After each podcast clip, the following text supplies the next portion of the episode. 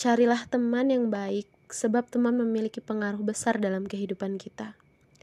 Bertemanlah dengan mereka yang cerdas dalam hidup, yang turut mendorongmu mempelajari hal-hal baru dan mendorongmu untuk semakin berkembang. Bertemanlah dengan orang yang soleh, yang senantiasa jujur dalam ucapan, menepati janji, menjaga mulutnya dari perkataan sia-sia, senantiasa mengajakmu untuk berbuat ketaatan, dan dekat dengannya membuatmu semakin dekat dengan Allah. Jangan berteman dengan orang fasik yang senantiasa melakukan kemaksiatan. Berteman dengan orang fasik bisa mematikan hatimu dan menggagalkan hijrahmu, sebab semakin dekat dengan mereka, maka semakin membuatmu jauh dari Allah. Bertemanlah dengan mereka yang memiliki akhlak yang baik, seperti yang dinasihatkan Al-Qomah ketika akan meninggal dunia. Ia menyampaikan beberapa pesan kepada putranya. Ia mengatakan, "Wahai anakku, jika engkau ingin berteman dengan seseorang, bertemanlah dengan orang yang jika kau berkhidmat padanya, ia mau menjagamu. Jika engkau bersamanya, ia menyenangkanmu. Dan jika engkau sedang mendapatkan kesulitan, ia mau membantumu.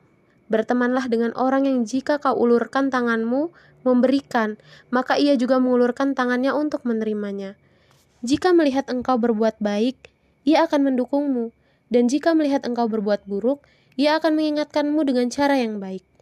Bertemanlah dengan seseorang yang akan membenarkan apabila engkau berbicara, yang akan membantumu apabila memerlukan sesuatu, dan bersedia mengalah apabila kalian bertentangan dengan sesuatu. Namun begitu, kita tidak bisa hanya menuntut orang menjadi teman baik. Kita juga sudah tentu harus menjadi teman yang baik bagi orang lain. Jadilah teman yang siap membantu, baik dengan harta maupun tenaga Apabila teman kita sedang berada dalam kesulitan, jaga mulut kita untuk tidak menceritakan aib-aibnya, tidak berkata yang akan menyakiti hatinya, dan senantiasa berterima kasih atas kebaikan yang ia lakukan. Belalah ia jika ada seseorang yang berusaha merusak kehormatannya. Berikan nasihat dan kritikan tanpa memanaskan hatinya. Doakanlah ia tanpa harus diketahui olehnya, sebab itu adalah salah satu doa yang mustajab untuknya. Jagalah hubungan baik dengannya, dan keluarganya, agar kelak kamu jadi seseorang yang kehadirannya dinantikan dan kepergiannya dirindukan.